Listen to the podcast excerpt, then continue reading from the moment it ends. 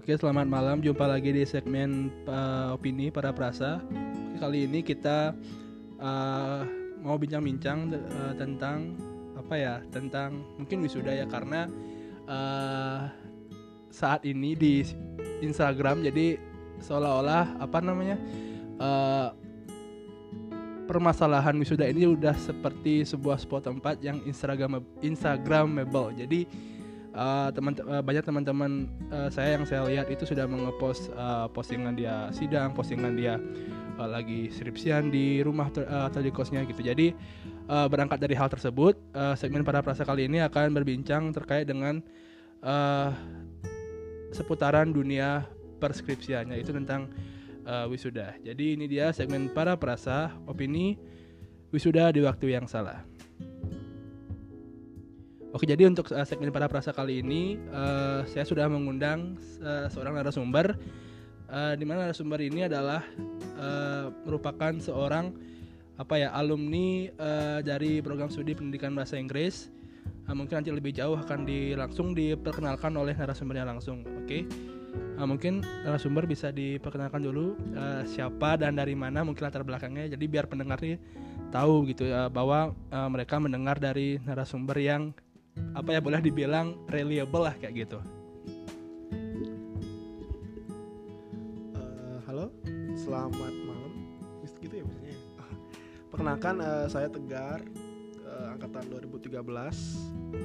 Angkatan 2013 baru lulus tahun 2018. Jadi sekitar lima tahun saya kuliah di ID sekarang IID sekarang namanya ILI kalau salah ya. Um, jadi saya lulusnya sekitar saya di ELE sekitar 10 semester. Ya itu aja deh kayaknya. Itu aja dulu oke jadi uh, kak Tegar ini merupakan alumni uh, mahasiswa pendidikan bahasa Inggris yang uh, berarti kalau uh, lima tahun lima tahun tadi gak ya? Lima tahun berarti masuknya tahun 2000 2013 oke lima tahun berarti semester 10 berarti uh, sudah tahun 2000 2018 Maret ya? Maret. Agustus 2008 oh berarti harusnya itu berarti kan Ju eh Agustus 2017 ya harusnya?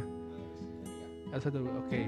jadi uh, sedikit uh, profil dari Kak Tegar ini jadi uh, kakaknya merupakan alumni yang uh, apa ya yang uh, menghabiskan masa uh, mahasiswanya kurang lebih S1-nya uh, lima tahun di mana mungkin uh, rekan-rekan tahu bahwa S1 itu mengambil kalau lancar gitu mengambil waktu sekitar empat tahunan. Nah, oke. Okay. Uh, karena topik kita hari ini adalah wisuda di waktu yang salah. Jadi kita mau nanya-nanya sedikit ke narasumber nih.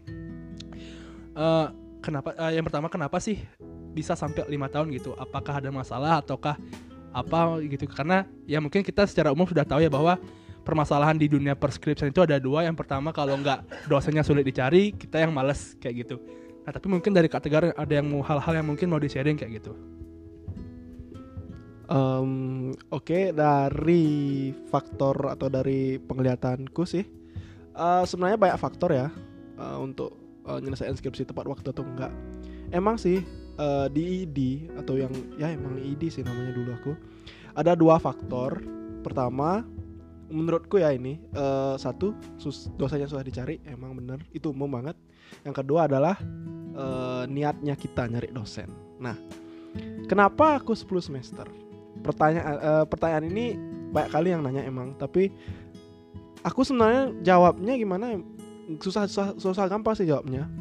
Biasanya aku berdalih dengan bilang, "Oh, dosenku Bu Titik lah." Tahu kan Bu Titik kan?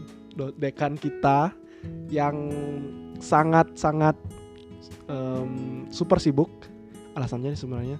Tapi emang super sibuk sih dia waktu itu. Jadi aku cuma bisa datang ke dospem 2 aku uh, dospem meming 2 aku Pak Eka Nambayana kalau kalian semua tahu. Pak Eka Nambayana itu orangnya sangat-sangat teliti. Dia banyak sekali membantu. Um, tapi uh, faktor yang lebih besar yang menghambatku untuk melakukan uh, menyelesaikan skripsiku tepat waktu itu adalah um, lebih tepatnya sih ke males ya mungkin ya.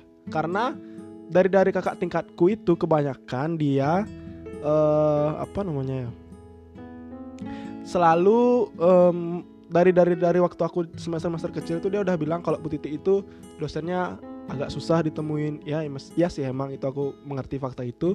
Kedua juga dia agak saklek kadang kadang hal hal hal A diingetin. Tapi minggu depannya dia udah lupa hal itu. Mungkin karena faktor U ya atau enggak atau nggak tahu sih itu kayak gimana.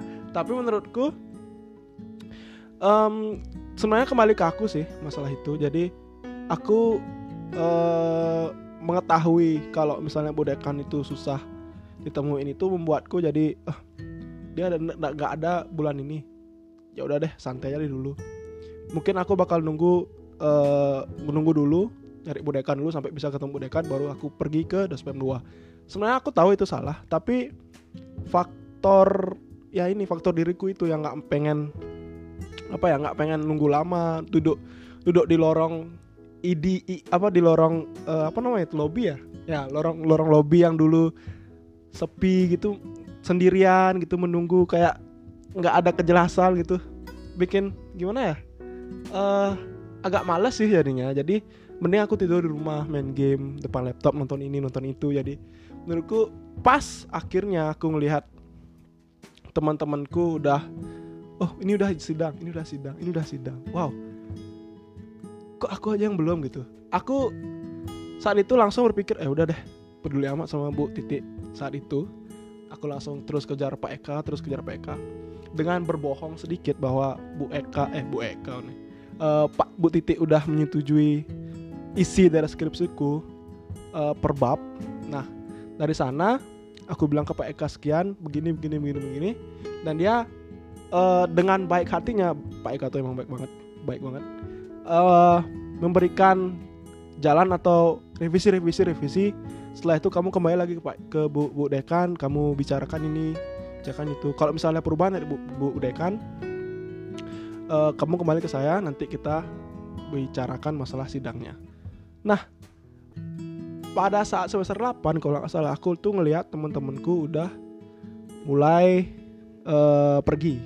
Pergi dalam artian mereka sudah mulai sidang mereka udah mulai apa namanya um, mulai siap-siap daftar sidang sibuk-sibuk di sana sini. Nah di sana aku berpikir wow kalau misalnya seperti ini terus aku kan jadinya bakal terus lewat gitu aku bakal ditinggalin kan? Siapa juga yang mau ditinggalin gitu loh. Teman-teman semester 8 tapi kamu semester 9 semester 10 kan? Jadinya ngerasa kok aku jadi paling bolos? Seperti itulah gini apa namanya uh, pandanganku gitu. Terus apa lagi nak? Apa lagi nak?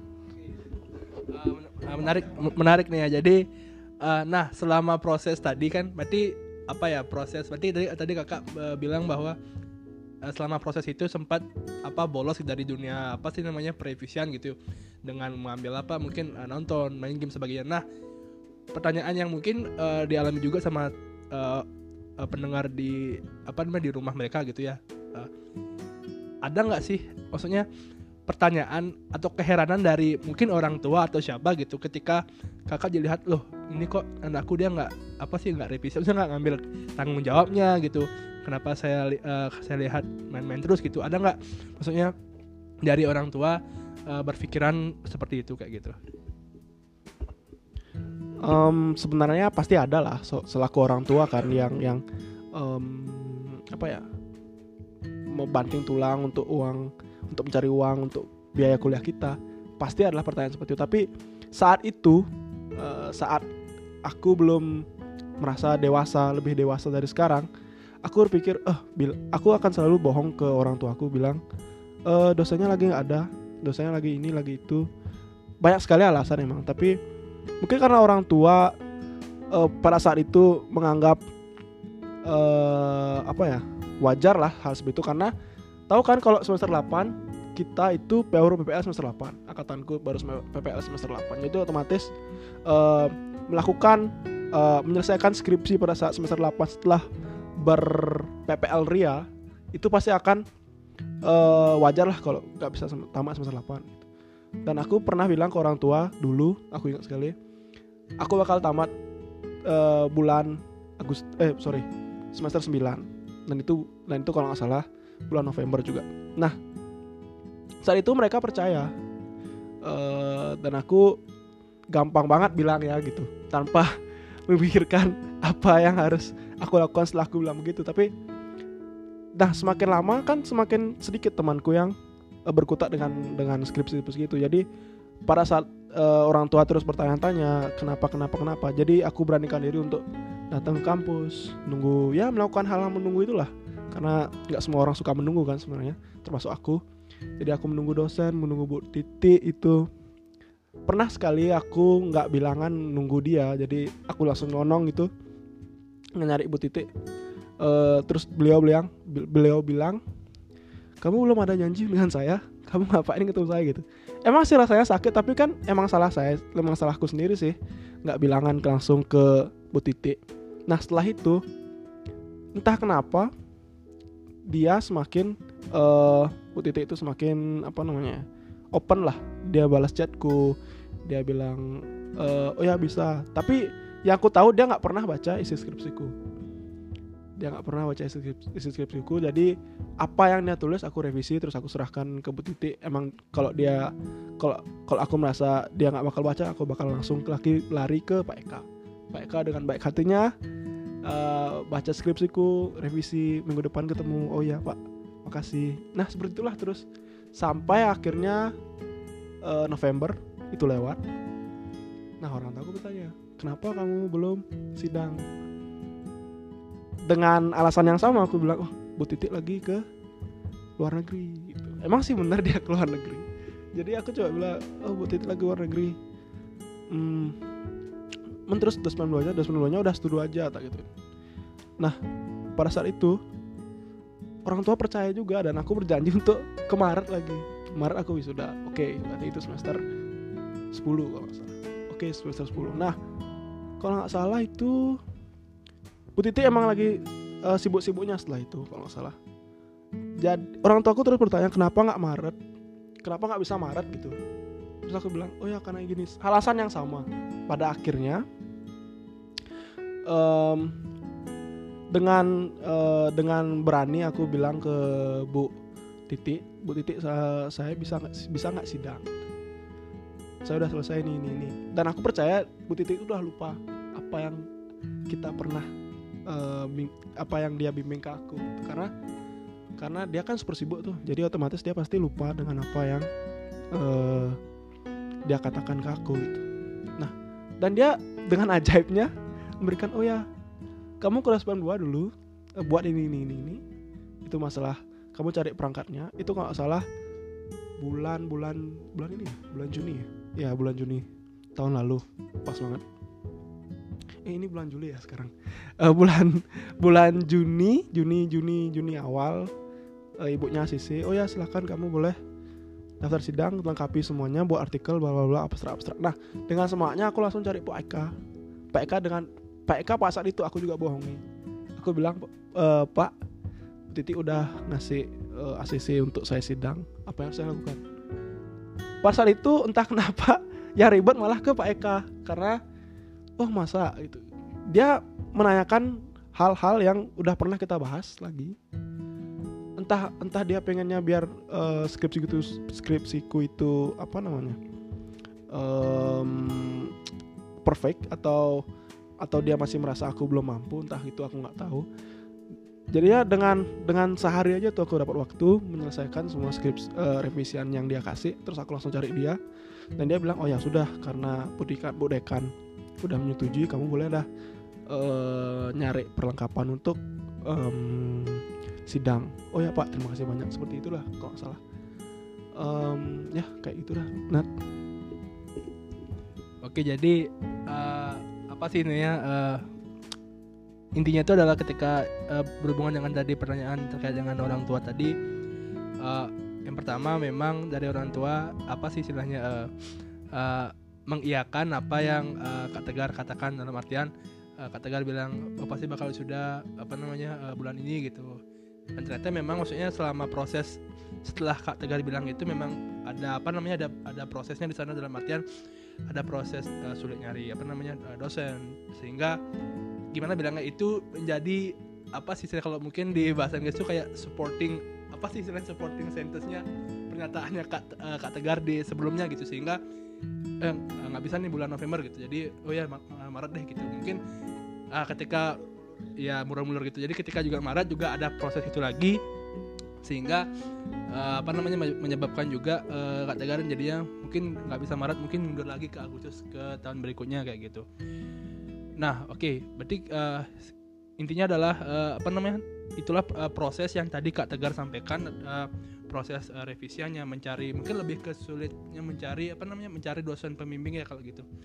Eh, nah kan sekarang nih Kak Tegar nih udah sudah nih udah sudah tahun lalu ya udah eh, semester 10 nah eh, hal pertama maksudnya hal pertama yang kakak apa ya dapat saat wisuda maksudnya gini loh eh, wisuda itu kan kalau untuk sarjana itu kayak mungkin eh, kalau se- secara teoritis kita pasti bilang it's not the end it's just beginning gitu. Tapi itu, itu kan kayak akhir emang akhir kan emang akhir perjuangan kan. Memang secara teori kayak ini adalah awal gitu. Tapi bagi kita ya nggak usah munafik gitu kita itu kayak ya ini akhirnya gitu. Nah eh, apa sih yang eh, kakak saya pelajari kayak oh ternyata ini loh eh, yang yang saya dapat selama lima kurang lebih lima tahun eh, apa be- berkuliah di sini dengan proses yang eh, lumayan rumit lumayan panjang gitu.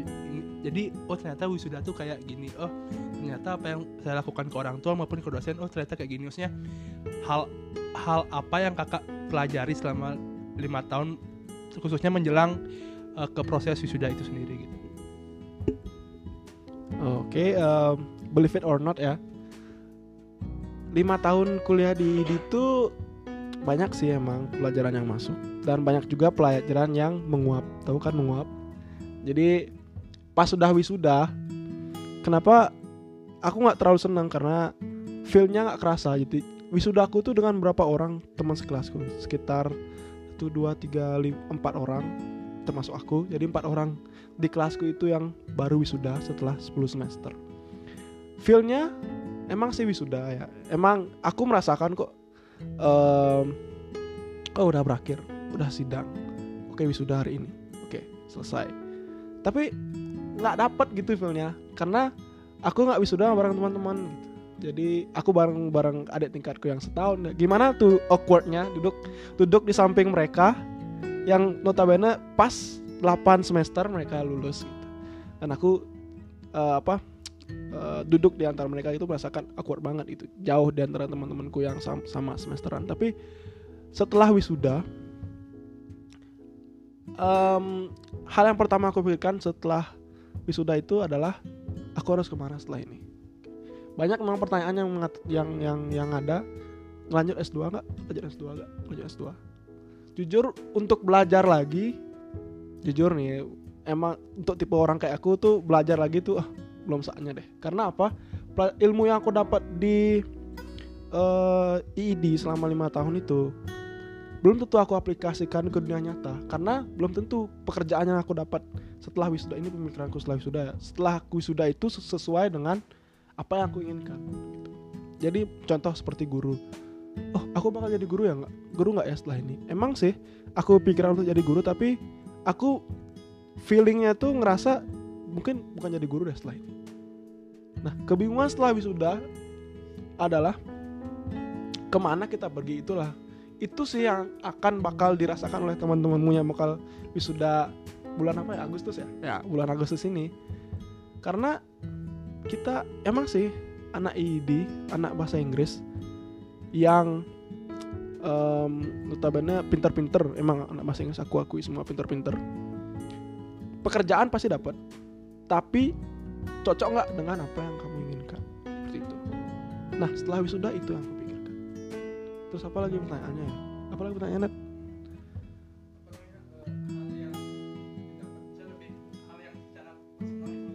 oh, hal yang lebih personal untuk diri sendiri jujur ya untuk pelajaran-pelajaran tertentu aku cuma ingat beberapa saja. Karena kita loh selama kuliah 10 eh, lap- 4 tahun itu kita kan banyak belajar tuh bercabang-cabang buat inilah buat itulah. Aku merasa diriku nggak pintar di sini. Aku merasa nggak pintar di semua eh, apa namanya mata kuliah yang ada di di kenapa karena ya emang masuk untuk beberapa saat lalu menguap mungkin sekarang kalau misalnya aku disuruh belajar lagi aku bakal ingat. Tapi secara personal yang aku dapat dari bahasa Inggris itu adalah dasar-dasarnya aja sih. Maksudnya um, lebih ke kegiatan-kegiatan bahasa Inggris. Maksudnya um, kegiatan itulah pokoknya kegiatan di luar di luar mata kuliah. Tapi beberapa mata kuliah seperti apa ya bagusnya uh, vocab kayak gitu gitu grammar. Itu membuatku untuk lebih kritis lah kritis um, dalam nyikap dalam ngomong ngomong atau misalnya nulis bahasa Inggris ya itu sih lebih lebih ngenaknya mungkin sisanya atau mata kuliah yang lain itu akan lebih berguna untukku pada saat aku mau belajar lagi untuk atau sedang bekerja dengan pekerjaannya sesuai dengan mata kuliah mata kuliah itu itu aja sih kayaknya. Oke, okay, uh, eh, dua pertanyaan terakhir deh. Hmm. Apa sih yang kakak lihat? Maksudnya uh, dari teman-teman kakak yang sudah mendahului kakak wisuda, maksudnya uh, apa ya? Apakah ada beberapa teman yang gimana bilangnya kan kakak bilang nggak telat setahun nih maksudnya apakah ada beberapa teman yang oh ternyata mungkin dia uh, mungkin dia tuh boleh duluan sudah dari aku tapi apa ya barengan dari kerjanya gitu loh nanti kan maksudnya mereka selama setahun itu juga apa ya kayak simpang siur gitu loh.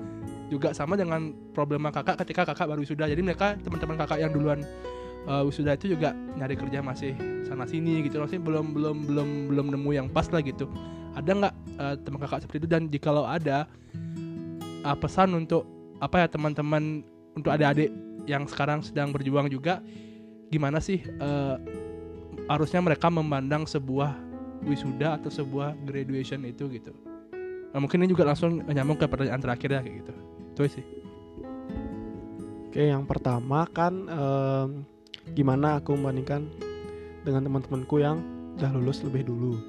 Nah menurutku ya kembali lagi ke pernyataanku sebelumnya kalau misalnya anak-anak Inggris itu semua pinter-pinter dan gampang-gampang dapat kerja dari yang aku lihat nggak ada sih yang kayak gitu. Cuma yang paling mengena itu teman-temanku banyak sih punya dapat pekerjaan mereka lulus langsung dapat di sini langsung dapat di sana. Kembali yang yang jadi masalah adalah kecocokan dan juga uh, kenyamanan. Yang aku lihat temanku ya aku nggak nggak bakal sebut nama tapi aku tahu berapa yang kerjanya di A mungkin karena dia nggak nyaman atau nggak cocok atau nggak nggak apa maksudnya nggak nggak ingin berlama-lama di sana dia akan langsung pindah ke tempat lain. Dia akan bekerja kan intinya setelah lulus itu sih. Maksudnya uh, setelah lulus otomatis mereka ingin langsung bekerja menghasilkan uang. Karena umur umur kita tahu kan maksudnya nggak nggak nggak bakal berani atau nggak nggak juari lah minta uang ke orang tua lagi kan. Jadi otomatis yang uh, menurutku teman-temanku yang duluan lulus itu mengutamakan hal, yang paling penting adalah bekerja dan menghasilkan uang.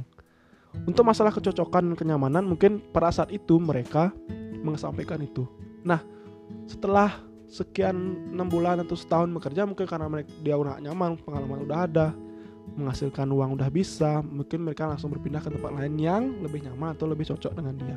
Jadi satu keuntungan dari kita adalah uh, sebagai anak bahasa Inggris dan untuk untuk kalian yang bakal jadi alumni bahasa Inggris jangan takut nggak dapat pekerjaan. Kalian pasti dapat pekerjaan. Yang yang yang jadi patokannya adalah cocok nggak sama keinginan kalian atau cocok nggak sama kenyamanan kalian nanti nah yang kedua mungkin itu aja kayaknya ya terus yang kedua apa tadi Nat? Oke, sekaligus menutup per, apa sih namanya uh, podcast kita kali ini ya kita kembali ke judul deh wisuda di waktu yang salah. Nah menurut kakak ada nggak sih yang namanya wisuda di waktu yang salah? Kalau masalah waktu yang salah sih sebenarnya menurutku ya karena ini menurut pandangan orang yang telat lulus. Nggak ada sih sebenarnya. Karena apa? Kan kita tahu tuh di di di, di apa di kehidupan tuh ada yang namanya durian jak malunan ya. Tahu kan? Durian jak malunan.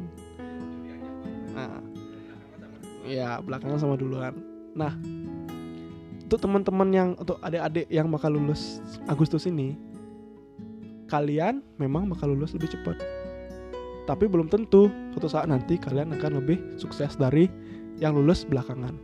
Itu yang pertama. Yang kedua adalah Em, ini skripsi itu skripsi yang baik adalah mungkin kalian tahu ini skripsi yang baik adalah skripsi yang selesai.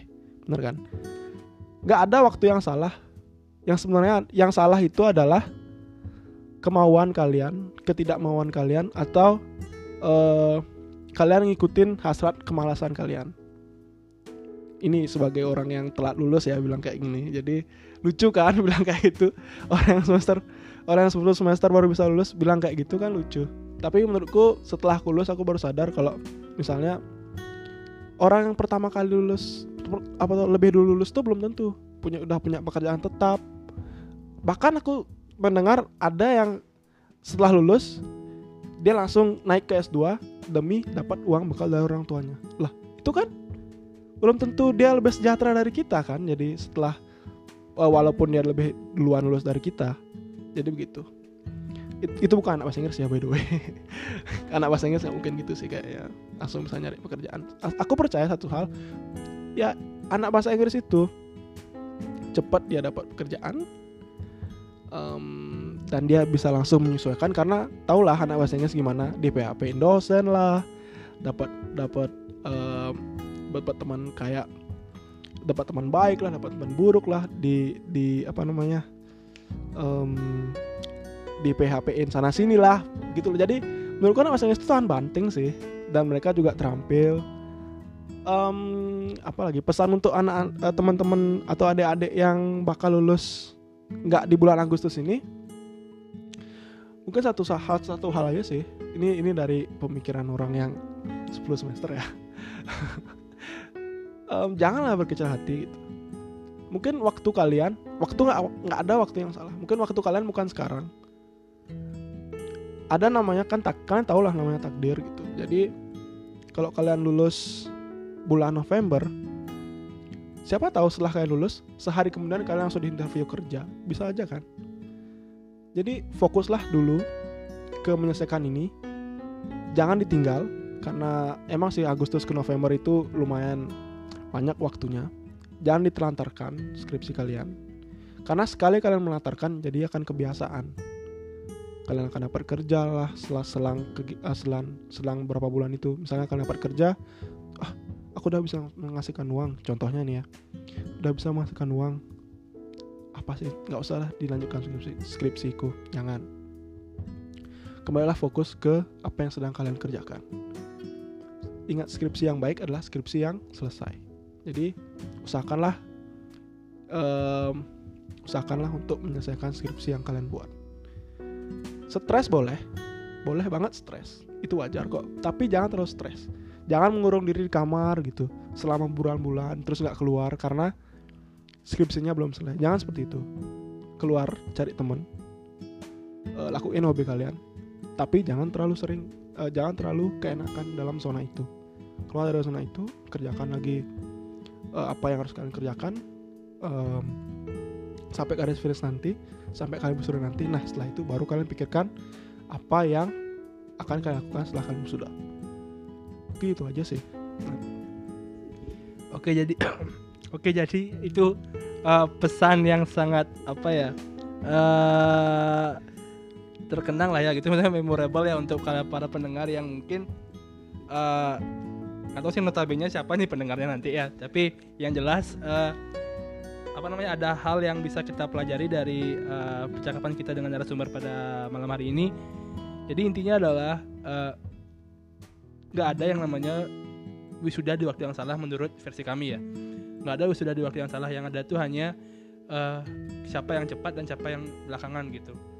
Nah ketika yang cepat ini bukan berarti dia apa namanya eh, bukan berarti eh, apa nggak menjamin hidupnya itu bakal eh, sukses di kemudian hari dan juga eh, begitupun dengan yang belakangan gitu. Jadi semua kembali ke usaha kita dalam menjalani hidup ini gimana eh, effort kita apakah kita memang tipe yang memang berjuang untuk mimpi-mimpi kita apakah tidak kayak gitu. Jadi eh, itu sih yang bisa aku simpulin pada eh, segmen para prasa opini kali ini dan terima kasih untuk para pendengar yang sudah mendengarkan. Nanti kita jumpa lagi di segmen opini yang berikutnya. Oke. Dan, eh, saya Nata Kusuma dan terima kasih